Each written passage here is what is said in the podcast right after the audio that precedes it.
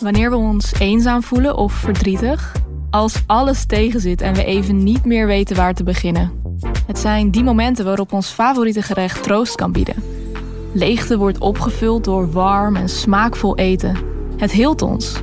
Wat is troost? Dat je jezelf even kan verliezen in iets anders.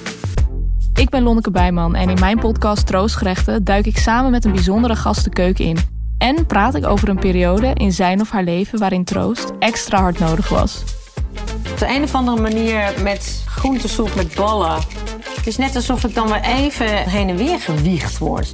Vanaf 18 juli te horen via Juke, Spotify en iedere andere podcast-app